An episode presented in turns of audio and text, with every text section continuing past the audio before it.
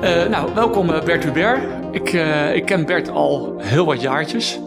Eh, ooit van vroeger online, toen we nog op uh, Fido zaten. Ehm, en ik ben je toen later tegengekomen toen je bij, eh, bij ook bent gaan werken.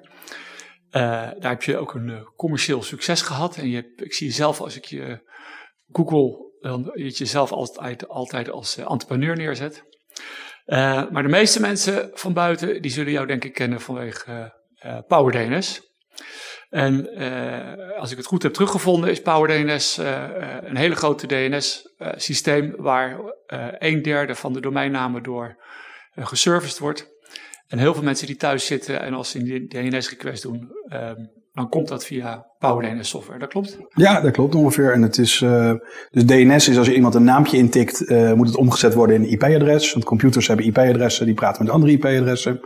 En eh, ongeveer de helft van alle domeinnamen in Nederland en in Duitsland draaien op mijn software. En eh, ongeveer 75% van alle internetaansluitingen in Nederland gaan ook door die software heen. Ja. Wa- waarom ben je dit ooit gaan maken? Ehm, als je een, eh, nou één, het was, ik ben dit begonnen in 1999. En toen was het klimaat dusdanig dat iedereen, hoe slecht je idee ook was, er wel een bedrijf mee ging oprichten. Oh, oké. Volgens mij is Fox IT ook opgericht. Ja, dat zou die zomaar net kunnen. Ja. Dat was dus wel een goed idee. Ja. Power DNS ook.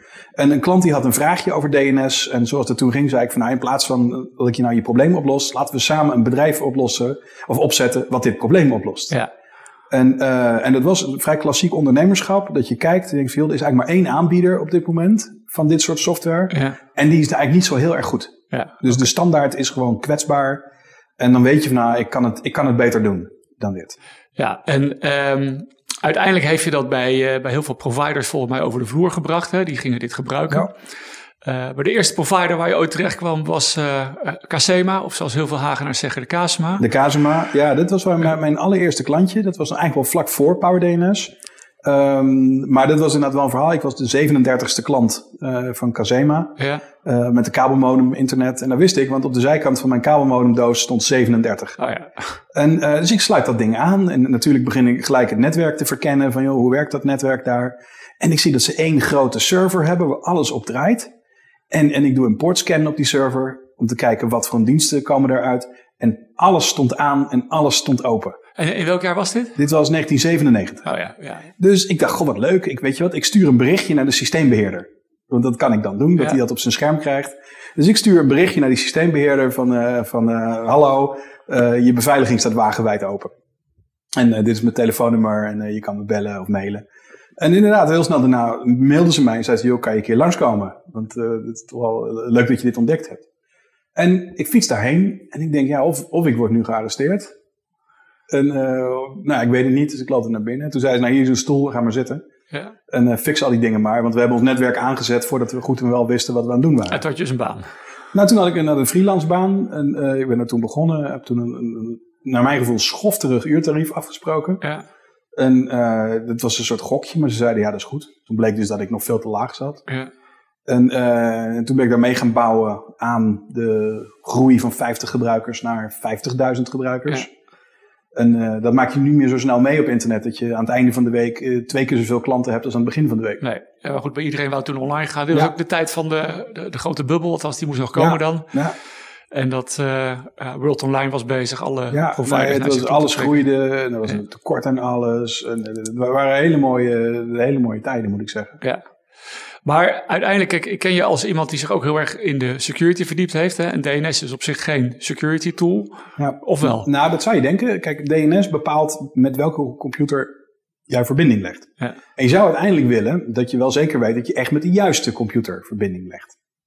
Nou, daar hebben we eigenlijk certificaten voor afgesproken. Dus als je een verbinding met HTTPS legt, dan is er cryptografische garantie dat jij verbinding hebt met de computer waarmee je ook denkt dat je verbinding Mhm. hebt. Dus in principe heb je DNS niet nodig voor je beveiliging. Maar het kan wel zo zijn dat als je in een DNS-server zegt van joh, volgens mij moet je helemaal geen verbinding leggen met deze computer.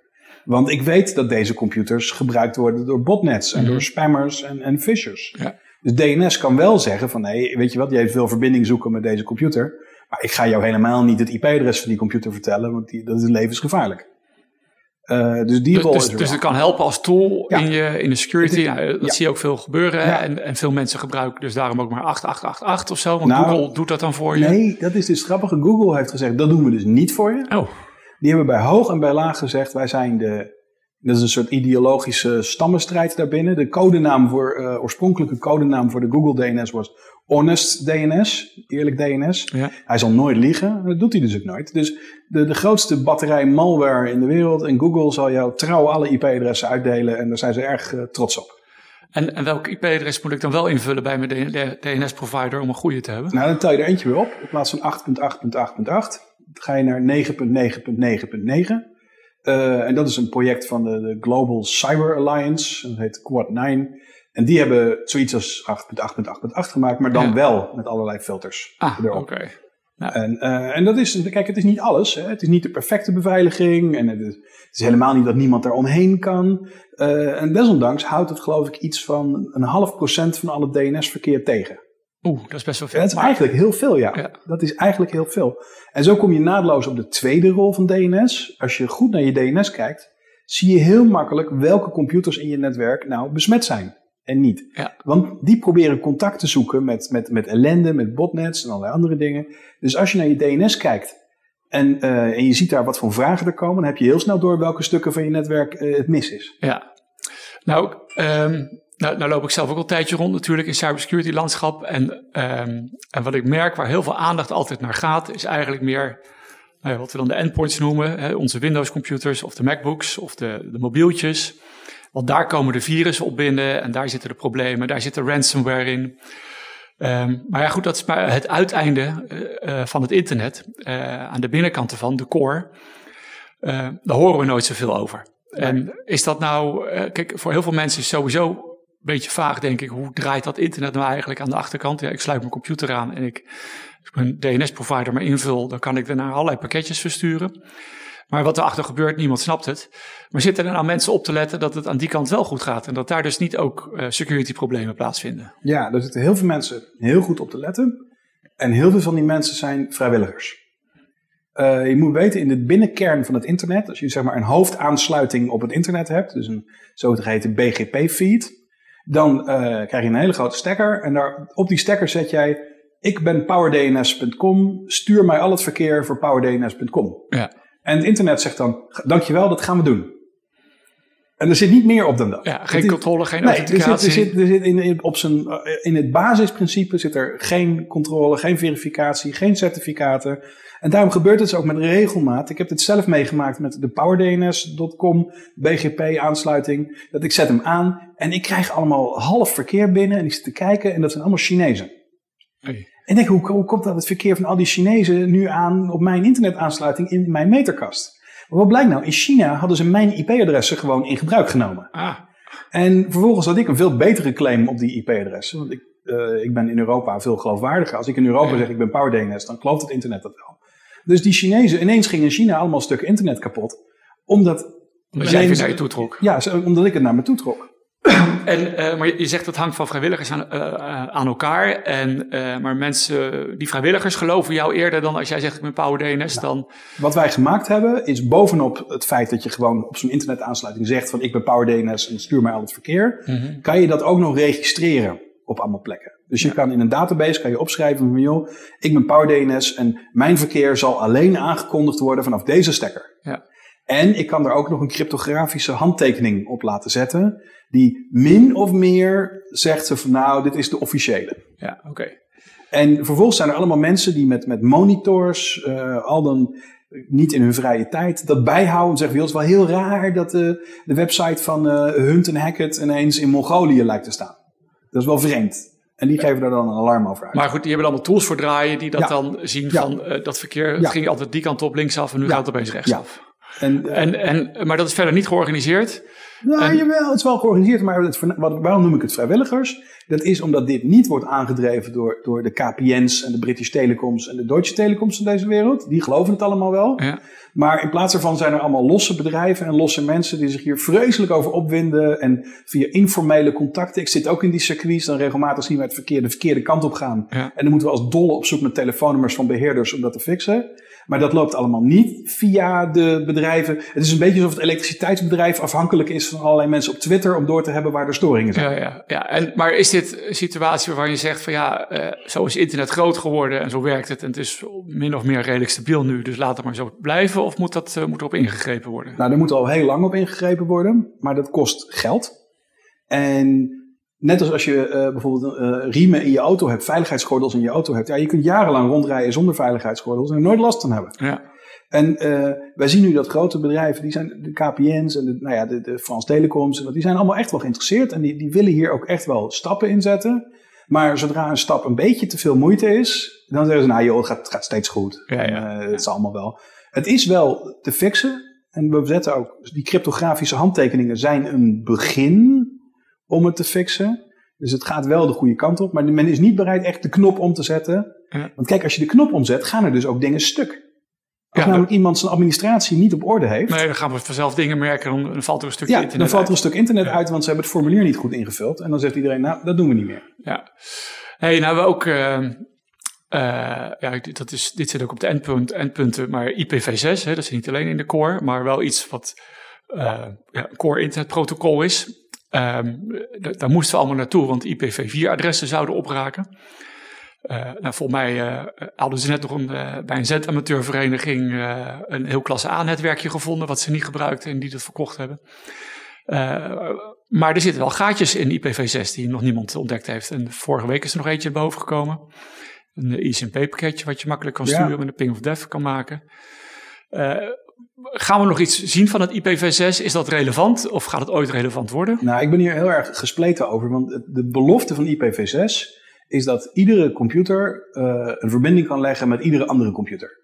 Dat betekent dat we dan weer terug zouden kunnen naar de wereld dat ik vanaf mijn computer een bestand kan sturen naar jouw computer. En dat kan nu niet. Ja. Gisteren wilden wij een bestand uitwisselen, weet je toevallig. En vervolgens ontstaat er een hele ingewikkelde situatie van ja, dan moet ik dat bestand eerst ergens in de cloud zetten. En dan kan ik dat bestand weer ergens gaan downloaden. En dat maakt de cloud heel, heel machtig natuurlijk. Ja. En um, IPv6 heeft als belofte dat we gewoon weer rechtstreeks met elkaar kunnen communiceren. Tegelijkertijd is dat het nadeel. Want dat betekent dat ik jouw computer heel makkelijk kan gaan hacken. Want ik kan verbinding gaan leggen met jouw computer. Ja, want normaal zit er nu een router tussen en die nat en die zorgt ervoor dat mijn computer ja, niet Er zijn nu te weinig IPv4-adressen, daarom heeft ons hele huis heeft één IPv4-adres. En uh, jouw huis heeft ook één IPv4-adres en daardoor kan ik niet verbinding leggen met jouw telefoon. Ja. Dus in principe ben ik heel erg voor IPv6. Tegelijkertijd is de werkelijkheid dat de beveiligingsmaatregelen die we gebouwd hebben voor IPv4, hebben we lang niet allemaal uitgerold voor IPv6. Dus de, de monitoring voor IPv6 is, is, is een janboel vergeleken met IPv4. Uh, eh, de uh, kwaliteit inderdaad, zoals dus de, de Microsoft Windows, die dus een gapend uh, gat bleek te hebben in IPv6. Waarom zat dat gat nou wel in IPv6? Als het in IPv4 had gezeten, had iedereen al lang gevonden. Ja. Maar IPv6 blijft toch een beetje, ja, dat gaan we een keer aanzetten. Maar het staat wel default aan op allerlei computers altijd. Ja. En dus dit gold, dit was ook alleen maar een probleem voor de Windows computers die kaal zeg maar aan het internet hingen, zonder dat er een router tussen zat. Ja. Maar goed, ben je één keer binnen, dan kan je wel dat gat gebruiken natuurlijk om door te gaan. En dan is het dus vergroot het je uh, uh, attack surface, zoals het heet. Ja. Uh, en IPv6 heeft nog een heleboel andere ingewikkelde nadelen. Dat bijvoorbeeld op IPv4, er zijn maar, maar 4,2 miljard, 4,4 miljard IPv4-adressen. Nou, dat klinkt als veel, maar een computer kan best de status bijhouden van een paar miljard uh, adressen. Ja. En zeg je, deze is betrouwbaar, deze is niet betrouwbaar, deze is raar. Maar omdat iedereen is, die IPv6 heeft, heeft thuis al uh, 100 miljoen miljard ja. IPv6-adressen. Die kan iedere aanval die die doet lanceren vanaf een vers IPv6-adres. Ja, wat we dus nu heel veel doen met uh, netwerken veilig houden, dus werken met blacklist. Daar zetten we IP-adressen op. Nou ja, IPv6 uh, succes. Bedoel, dat, dat, dat hele, de hele strategie, hoe we daarmee werken, dat is ja, dat werkt helemaal niet. En ook computerprogramma's die bijvoorbeeld in PowerDNS hebben, dat houden we ook lijstjes bij. Van joh, deze servers is niet, gaat niet helemaal goed, die moet je niet gebruiken. Ja. Nou, voor IPv4 kan ik dat doen, want ja, hoeveel IPv4-adressen zijn er nou? Ja. Voor IPv6 kan uh, iedere thuisgebruiker kan mij één pakketje sturen vanaf, vanaf een 100 miljoen IPv6-adressen. En vervolgens zijn al mijn lijstjes uh, overstroomd. Ja, uh, precies. Dus het is echt wel gevaarlijk. Hey, en als jij nou um, zeg maar bij een, een, rogue state zou werken, of in dienst zou zijn, denk aan Noord-Korea. En Noord-Korea, um, nou, het lukt me even niet zo goed met die raketten om de rest van de wereld plat te leggen. Ja. Dus ze willen het digitaal doen. Wat zou voor hun dan de weg zijn om nou ja, gewoon het hele internet uit te schakelen? Nou ja, daar wordt natuurlijk veel over gefantaseerd door mensen. joh, zou ik het hele internet uit kunnen zetten? En hoe zou ik dat doen? Uh, we hebben het eerder gehad over die kern van dat internet, dat BGP. En BGP is dus een plek waar de, de, de router of de router van, van Google contact legt met de, met de router van Vodafone. En die twee hebben echt, die wisselen informatie uit. Die wisselen, uh, die hebben echt contact met elkaar. En de grote droom van iedere hacker, en ook iedere wannabe hacker, is natuurlijk, kan ik een worm maken? Kan ik een virus maken waarmee ik eerst uh, de router van Vodafone besmet, en die besmet die van Google, en die besmet die van KPN, en uh, aan het einde van de dag heb ik het hele, aan het einde van de dag, aan het einde van de minuut, zou ik het hele internet lam kunnen leggen. Ja. Daar is iedereen altijd naarstig naar op zoek. En er zijn momenten geweest dat je denkt van ja, nu had het wel gekund. Om dit te doen heb je een hele hoge concentratie nodig van één leverancier. Dat je zegt van, want ik heb nu een bug dan gevonden bijvoorbeeld in nou, Juniper. Maar, maar, ik heb altijd het beeld dat Cisco, zeg maar, de... Nee, dat is al lang niet meer zo. Het is, okay. is nu echt wel een mix van, van, van Cisco en Juniper.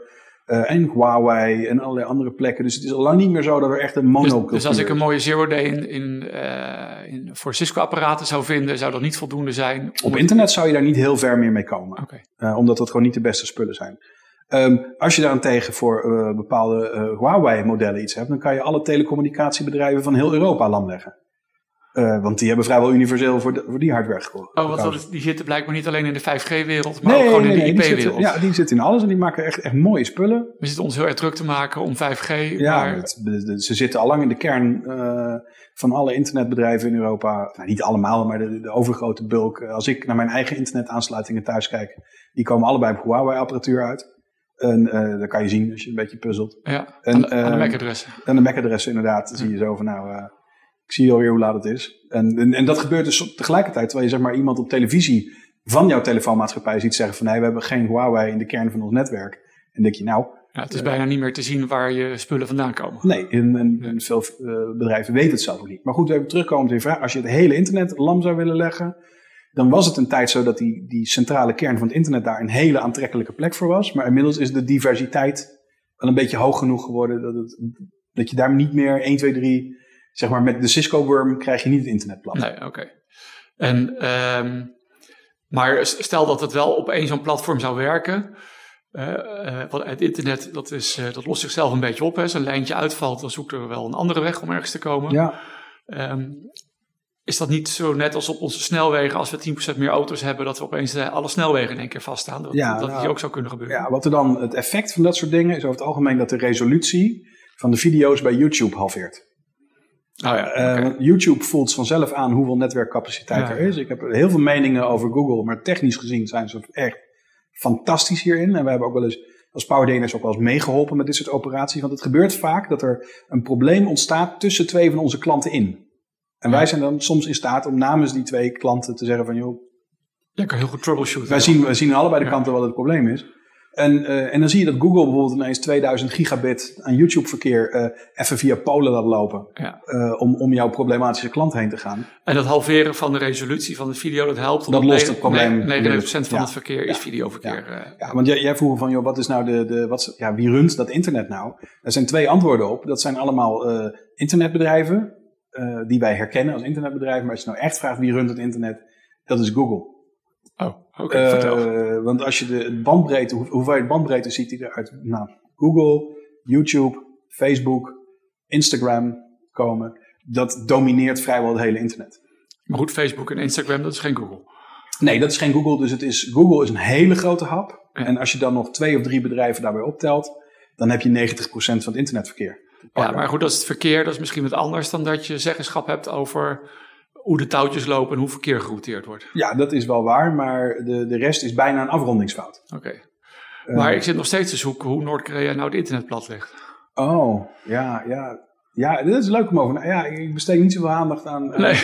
aan nadenken wat Kim Jong-un uh, zou moeten kunnen doen. Nee. Uh, Nou goed, is, is China daar dan voorbereidingen mee aan het treffen? Je, je kwam net zelf, ik vroeg, uh, uh, je, je, kwam zelf op Huawei. Ja. Uh, ik had nog een van mijn vragen zou gaan over 5G, maar laten we dat dan nu maar doen. Ja. Um, is zoals zij bezig zijn, is dat een voorbereiding voor dominantie van het internet?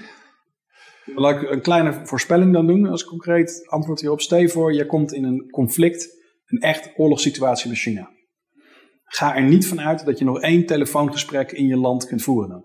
Oké. Okay. Dus stel je voor, jij bent Taiwan en, uh, en je hebt, begint echt oorlog te krijgen met, ga, met, met China. Ga er dan rustig vanuit dat er geen faxmachine nog een fax kan sturen in nee. Taiwan. Maar het punt is natuurlijk... Dat en is dat omdat er allemaal uh, Huawei-spullen staan? Of is dat omdat ze ontzettend goed kunnen hacken en alles sowieso plat kunnen nou, krijgen? De, mijn, mijn voorspelling hierin is dat de strategische chips en goederen die men daar leeft, dat ze ook wel weten hoe ze die weer uit moeten kunnen zetten. En die chips zitten uiteindelijk in alles. Hè? Dat gaat nog veel dieper. Als je kijkt naar een netwerkkaart, gewoon de aansluiting is ook al een chip. Mm -hmm. en, en, mijn voorspelling, mijn vermoeden is dat als jij nu zou willen zeggen, nou ik wil graag oorlog voeren met China, dat je dat niet moet proberen zolang jouw eigen apparatuur nog afhankelijk is van enorme bergen chips uit China. Ja, oké, okay, maar we weten helemaal niet wat er in onze apparatuur zit en of nee, die chips uit, uit nee. China komen. Nee. En, maar daarmee suggereer je ook dat al die chips toch van een achterdeurtje voorzien zijn of zo, waarmee zij. Nou, niet allemaal, maar het hoeft ook helemaal niet allemaal. Hè? Het is, er is een heel, een, een heel mooi boek geschreven over. Iemand heeft zitten speculeren. En kijk, bijvoorbeeld een deel van de chips in de wereld is zijn namaakchips. Hoe heet dat boek? Weet Ja, ik, ik kom er zo op hoe het heet. Ja. Anders zou ik het wel even zeggen. ja. En, ehm, ehm, en daarin eh, blijkt dus zelfs hele serieuze mensen die straaljagers maken, Ja. die dan op een gegeven moment gaan kijken, veel zijn al die chips die wij gebruiken in onze straaljagers, zijn dat wel de, de, de echte chips? En zelfs die hebben ontdekt, het is een mooie studie van Pentagon geweest, dat een paar procent van hun chips Ja. is eh, namaak. Ja. En dat heeft dus niet eens iemand bewust gedaan of zo. Maar, Maar dat, dat kan ook namaak zijn omdat je een stukje handel wil hebben. En- Absoluut. En, niet zozeer Nee. omdat dat dan je backdoor voorziet. Maar, maar dat geeft aan dat je dus niet weet, zelfs als je dus een F-35 bouwt, Ja. en je probeert heel hard je best te doen, dan blijkt toch dat een paar procent van de chips die je gebruikt niet de chip was waarvan je dacht dat die was. ja, oké. En Nou ja. daar, dat is al spannend genoeg natuurlijk. En, ehm, maar is het nou nodig als serieus land en je hebt eh, voldoende hackers in dienst die eh, voor jouw leger werken, om echt met die achterdeurtjes aan de gang te gaan? Of valt er al genoeg te hacken waardoor je ook die telco's wel plat kan krijgen? Als jij op dit moment eh, kijkt naar de zwakste punten van telco's, dan is dat het feit dat ze allemaal hun werkzaamheden hebben uitbesteed aan de laagste bieder. En dat zijn bedrijven die vaak heel ver weg zitten. Dat betekent niet zozeer dat ze slecht zijn of zo. Ja. Maar het is wel bekend dat veel van die outsourcingbedrijven zelf grootschalig gehackt zijn. Oh ja. Dus dan zeg je, ik besteed mijn netwerkbeheer uit aan eh, een Tech Mahindra, om even een, een beroemde te noemen. En die gaan dan jouw netwerk beheren met hun laptops en hun mensen en hun infrastructuur. Ja. En dan blijkt dat heel Tech Mahindra van voor tot achter gehackt is. Ja. En, eh, en dit is niet eens een geheim of zo, iedereen weet het eigenlijk wel. En dus en helemaal niemand heeft een achterdeur nodig eh, om een grote telefoonmaatschappij te hacken. Je hebt een aanbesteding nodig om een telefoonmaatschappij te hacken. En dan komt het vanzelf wel goed, dan kom En- je er altijd ergens En als je die dan gewonnen hebt, dan kom je er binnen en dan komen er bergen mensen die op 5000 kilometer afstand jouw eh, bedrijf gaan beheren. Ja. En het is natuurlijk, kijk, iemand heeft gezegd, je Hoe, kunt hoe, alles. hoe- hoe is dat nu in Nederland met onze telco's? Eh, Door wie worden die beheerd? Ik zie gewoon de KPN, heeft hele grote gebouwen, zitten veel Ja, mensen in. je kan als je eh, bijvoorbeeld naar de KPN-kantine gaat. eh, nou, op dit moment ga je even niet naar de KPN-kantine. Maar als je normaal naar de KPN-kantine gaat, dan ehm, zitten daar mensen uit allerlei verschillende landen. De voertaal is Engels in grote stukken van de kantine.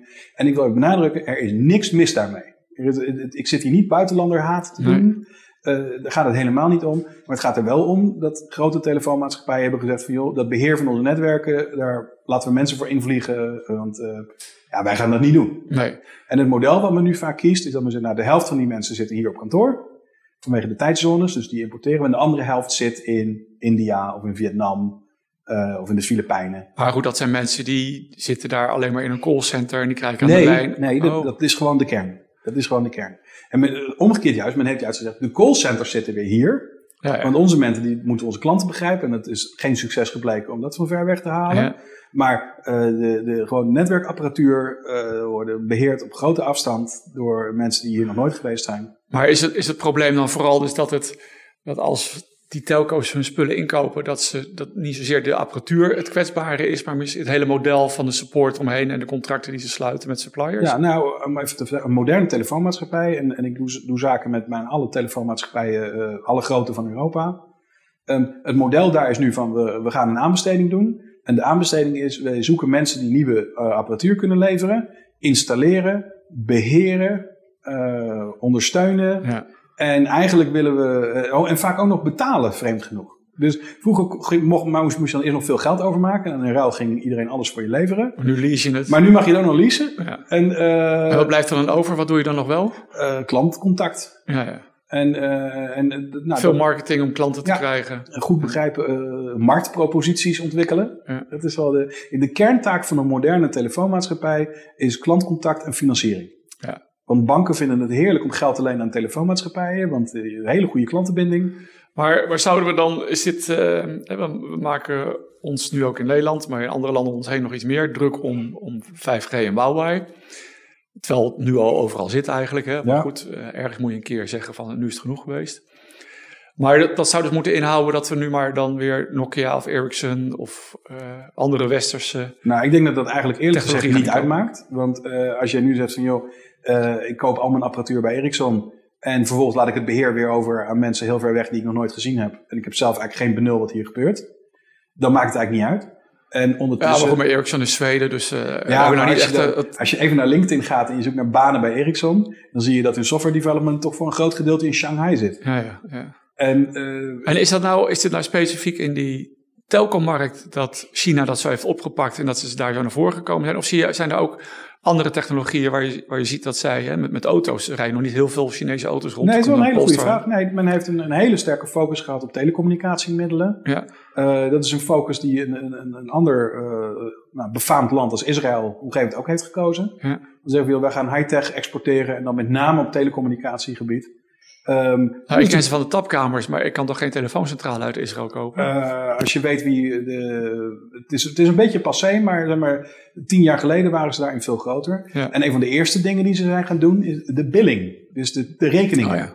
En dat betekende dus dat uh, veel uh, telefoonmaatschappijen, ook in Nederland, al in 2005, 2006, hun volledige belverkeer naar het buitenland stuurden. En dan kwamen er terug de telefoonrekeningen. Ja, ja, okay. Maar, en, en, maar dan stuur je dus precies naar buiten. Wie belt er met wie, hoe lang, vanaf welke zendmast. Ja. Uh, superleuke vond, informatie hoor. En dat vond, dat vonden een stuk wel prettig daar uh, ja, in Israël uiteindelijk. Ja. Um, ja, wat, wat, zouden we nou nog aan kunnen doen? Onze overheid is heel hard zoekende volgens mij wat, uh, ja. uh, rondom een strategie. Specifiek rondom China hebben we een strategie. Maar ja. hoe moeten we dit in brede zin doen zien met, met technologie uit het buitenland? Nou ja, het is, laten we even los over het buitenland. Want dat is heel lastig om te zeggen, we gaan een, een, in Luxemburg een, een, of een, in de Benelux een telecommunicatiestrategie ja. ontwikkelen. Dat heeft natuurlijk niet zoveel zin. Um, waar het mee begint, is dat we weer zeggen van, joh, wij moeten zelf weten wat we aan het doen zijn. Dus wij moeten ophouden met zeggen van, uh, joh, het beheer van al die IT, dat besteden we gewoon uit aan de goedkoopste bieder. En we willen eigenlijk liever van onze techneuten af. Ja. Um, we zullen dat toch weer om moeten draaien en zeggen: nee, we gaan uh, technische kennis weer waarderen. Hoeven niet, het heeft niet zoveel zin om in één klap alle uh, apparatuur van een bepaalde fabrikant uh, buiten te zetten. Als je daarna weer andere apparatuur neerzet. Nou ja, maar hoe vertaalt zich dat? Oké, okay, dus die, die notie snap ik wel. Van we hebben meer de te technische kennis zelf in huis nodig. Dus ook ja. lokaal techneuten. Moeten we dan gaan zorgen van dat meer mensen naar de technische universiteiten gaan. Dan moet je het ja. gaan afdwingen dat, uh, uh, dat je alleen nog maar bedrijven contracten kan geven als er voldoende ingenieurs werken. Ja, nou, het is misschien heel controversieel wat ik nu zeg, maar uh, alle grote bedrijven hebben tot nu toe voornamelijk juristen en financiële professionals in de top zitten. Dus als je kijkt naar de Nederlandse high-tech bedrijven, voor zover we die nog hebben, uh, dat zit helemaal vol met, met geschiedkundigen en sociologen. En dat zijn mensen met een waardevolle kennis en allerlei andere dingen. Maar uh, we hebben diver, diversiteitsbeleid. Dat we hopen dat we meer vrouwen en minderheden daar willen plaatsen. Ik zou willen pleiten voor een extra diversiteitsbeleid. Dat we toch alsjeblieft in de directie van een technisch bedrijf één techneut hebben. Ja, ja. En dat, dat zijpelt dan vanzelf naar beneden. Dat iedereen. Kijk, als techneut is het ook geen pretje om te werken bij een bedrijf wat wordt gerund door marketingprofessionals. Want dan weet je dat niemand in de directie echt zal waarderen dat jij net een heldendaad hebt gedaan die het internet uh, 5% sneller heeft gemaakt. Want iemand zegt dan gelijk, ja, kan ik niet op een bushokje zetten dit. Nee. En uh, daar kan ik niks mee. En uh, wat vind je van mijn nieuwe slogan? We hebben een nieuwe slogan gemaakt, dat is pas belangrijk. Maar goed, die, die technische kennis, dat is dan... Uh, de, er komen weer Tweede Kamerverkiezingen aan. We hebben in de Tweede Kamer hadden we een aantal mensen die zich in ieder geval druk maakten om die uh, digitale wereld. Dat waren per se niet zelf ook altijd techneuten.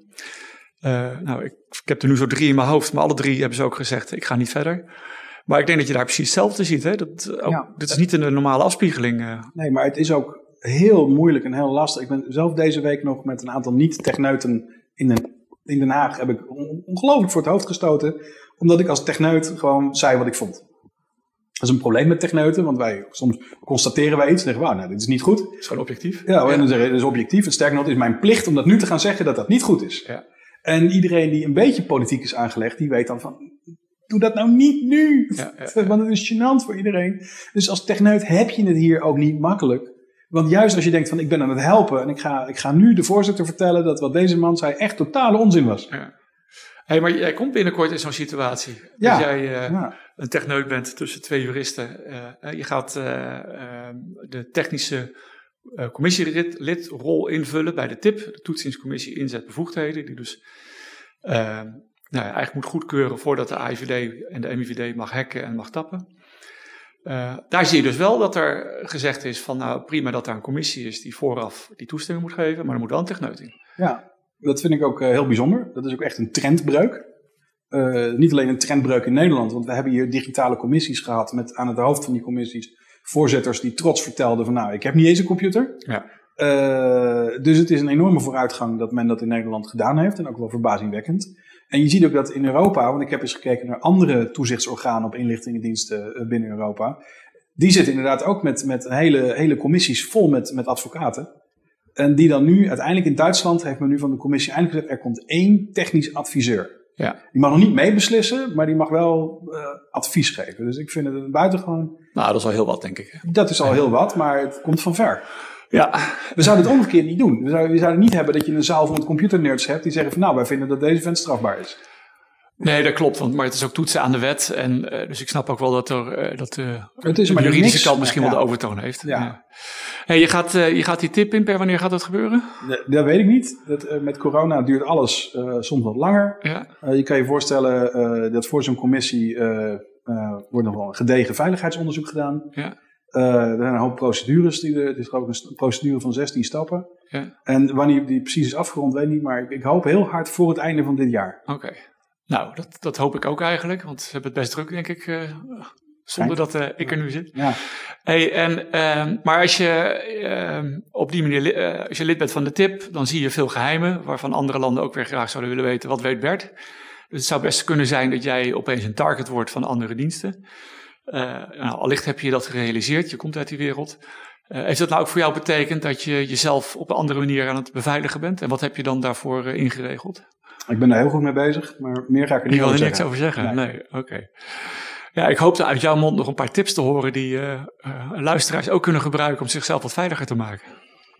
Mm, nee, ik heb uh, geen algemeen geldige tips. Nee, nee. Okay. Ik, uh, ik zou daar wel, wel iets over kunnen zeggen, maar kijk, voor iedereen is dat antwoord anders. Als jij bijvoorbeeld geen bijzondere geheimen hebt, je bent geen bijzonder persoon en je maakt je ook geen zorgen over het feit dat Google alles van je weet, dan is het simpelste wat je kan doen zeggen: ik gebruik een Chromebook en ik doe verder niks anders. Want dan garandeer ik je, je wordt niet gehackt. Ja. En de enige die alles van je weten zijn Google. Ja. Maar je gaat niet gehackt worden door je buurman. En je gaat ook niet gehackt worden door een of andere uh, bende eenvoudige hackers. De lat ligt dan hoog. Dan zit ik best goed, want ik heb alles bij Google ondergebracht. Ja, en dat is eigenlijk heel erg. Ik zou ontzettend graag willen dat we een, een EU-Google hadden, een Google ja. of zo. Die gewoon zeggen, joh, we doen gewoon allemaal hetzelfde. Ja. We innoveren niks. We hebben ook gewoon hier ook een kreunboek. Die, die gaat er niet meer komen, hè? behalve als onze Europese Commissie het uh, Google, Facebook en Microsoft heel moeilijk Ja, maar weet je wat gek is? Stel je voor dat je nu 1 miljard euro neerlegt. En dat is zeg maar uh, vijf minuten coronafonds. Dan zou je eh, werkelijk alles wat Google doet op het gebied van communicatie kunnen klonen. De zoekmachine is meer werk, maar ze ik wil gewoon een gedegen Gmail en ik wil een goede Google Docs clone hebben en een calendar en dat soort dingen. Nou, voor 1 miljard euro ben je er dan hoor. En dan hebben we dat gewoon hier draaien. Ja, en dan we doen het niet. Ja, we doen het niet omdat het eigenlijk niet eens... Het grote probleem is, overheden kunnen alleen maar stimuleren met geld. Dat is het enige wat ze kunnen doen. Ja. En als je op dit moment zou zeggen, joh, we leggen hier een, euro, of een miljard euro neer om een, eh, een fatsoenlijke cloudomgeving te maken, dan komt er een aanbesteding die wordt gewonnen door Thales of door SAP of door Siemens. En dat zijn bedrijven die zich beter bezig kunnen houden met het bouwen van vliegdekschepen of zo. Ja, ja, ja, ja. Eh, dat lijkt niet tot een, tot een prettige webomgeving. Nee, ik begrijp het. Hey Bert, de tijd zit erop. Ontzettend veel dank en heel veel succes straks bij de tip. Dankjewel. Het is een hele mooie, leuke baan, weet ik. En ehm, ja, ik heb echt een selectie moeten maken uit honderden onderwerpen die ik met je kan bespreken. Dus ik hoop je nog een keertje eh, in, eh, in deze podcast Ik te kom kunnen graag nog een keer terug. Oké, dankjewel.